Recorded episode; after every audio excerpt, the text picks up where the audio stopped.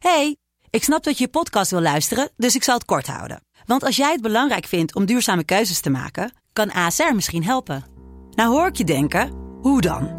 Nou, bijvoorbeeld bij het duurzaam herstellen van schade. Of de premies die we beleggen volgens ons duurzaam beleggingsbeleid. Dat bepaalt waar we wel en juist niet in investeren. Wil je meer weten over welke duurzame keuzes ASR maakt? Ga dan naar asr.nl slash duurzame keuzes. ASR doet het. Zo, dan kan je nu lekker naar je podcast luisteren. Hey, ik snap dat je je podcast wil luisteren, dus ik zal het kort houden. Want als jij het belangrijk vindt om duurzame keuzes te maken, kan ASR misschien helpen. Nou hoor ik je denken, hoe dan? Nou, bijvoorbeeld bij het duurzaam herstellen van schade. Of de premies die we beleggen volgens ons duurzaam beleggingsbeleid. Dat bepaalt waar we wel en juist niet in investeren. Wil je meer weten over welke duurzame keuzes ASR maakt? Ga dan naar asr.nl slash duurzame keuzes. ASR doet het. Zo, dan kan je nu lekker naar je podcast luisteren.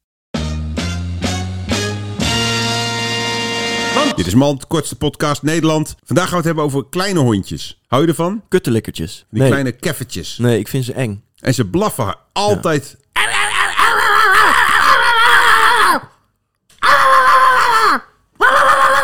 Dit was Mand. Dit is een man!